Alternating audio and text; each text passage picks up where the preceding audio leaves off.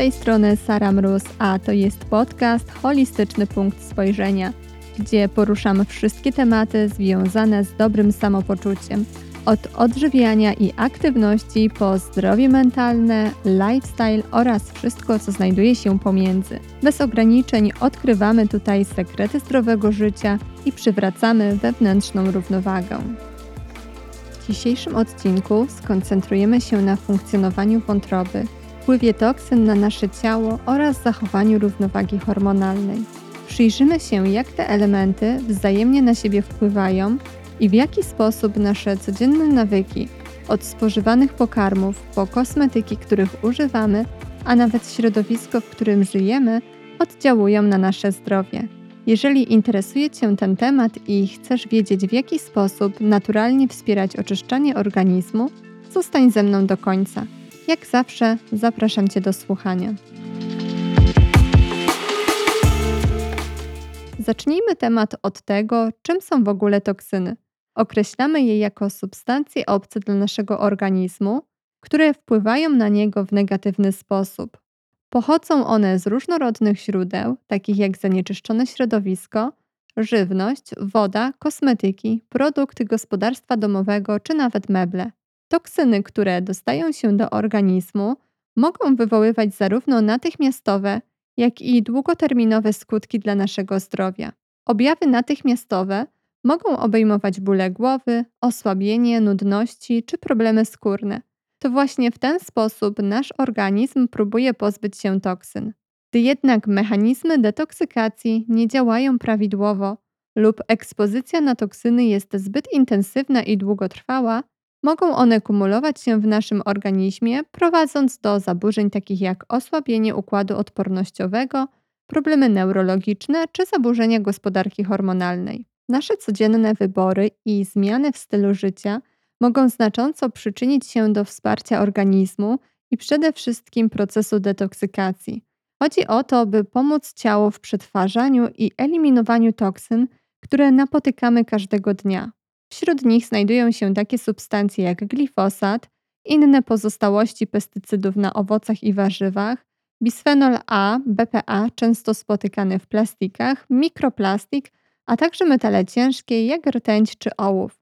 Nie zapominajmy również o syntetycznych tkaninach oraz substancjach drażniących w produktach domowych. Choć całkowite usunięcie toksyn ze środowiska może być trudne i raczej jest niemożliwe, to jednak istnieją sposoby, które pozwalają nam zmniejszyć tą ekspozycję na nie. W jaki sposób nasz organizm pozbywa się szkodliwych substancji? Odbywa się to poprzez złożony mechanizm oczyszczania organizmu, czyli detoks. Wątroba jest powszechnie znana jako kluczowy organ w tym procesie. Jednak równie ważną rolę odgrywają płuca, skóra, nerki i jelita. Płuca usuwają dwutlenek węgla i inne toksyny poprzez proces oddychania. Nerki filtrując krew pozbywają się zbędnych produktów przemiany materii i toksyn, które następnie są wydalane z moczem.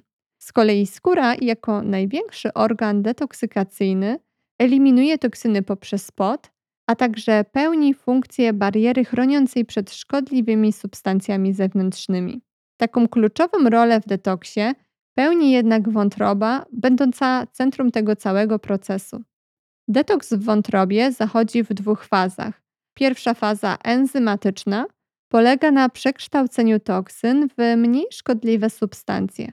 Druga faza, zwana tą fazą koniugacji, przekształca substancje w formę łatwiej rozpuszczalną w wodzie, co umożliwia ich wydalenie z organizmu.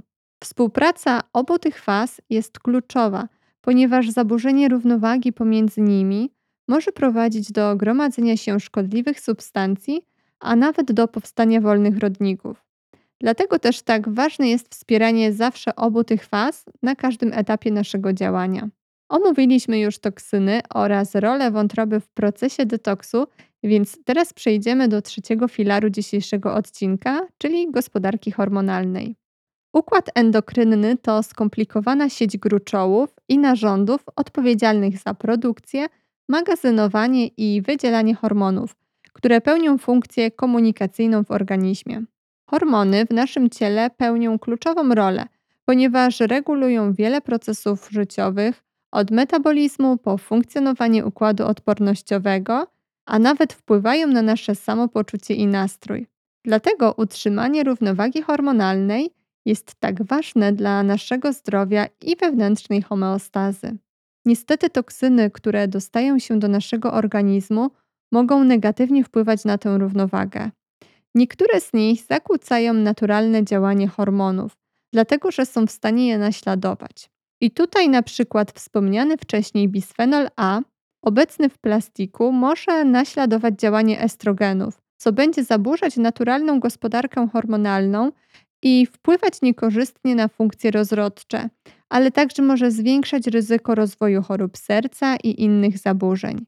Z kolei pestycydy obecne na owocach i warzywach mogą ingerować w pracę tarczycy, co ma wpływ na metabolizm, energię i samopoczucie. Dlatego tak ważne jest zrozumienie, że detoks nie jest tylko kwestią pozbywania się toksyn, lecz jest to proces kompleksowy, obejmujący również taką ochronę i wsparcie układu hormonalnego. Wprowadzając zmiany w diecie, sięgając po żywność wolną od pestycydów, ograniczając kontakt z plastikami zawierającymi BPA, a także poprzez świadome wybieranie kosmetyków i produktów gospodarstwa domowego, możemy znacząco ograniczyć ekspozycję na toksyny i w tym kierunku właśnie powinniśmy podążać. Jeżeli chodzi o objawy nadmiaru toksyn w organizmie, to należą do nich rozdrażnienie, apatia, bóle stawów, problemy z układem pokarmowym, nieregularny cykl menstruacyjny, ogólne zmęczenie czy nawet mgła umysłowa. Ta reakcja każdego organizmu na toksyny jest indywidualna, dlatego też objawy mogą się różnić u dwóch osób, które nawet zostały wystawione na działanie tej samej toksyny.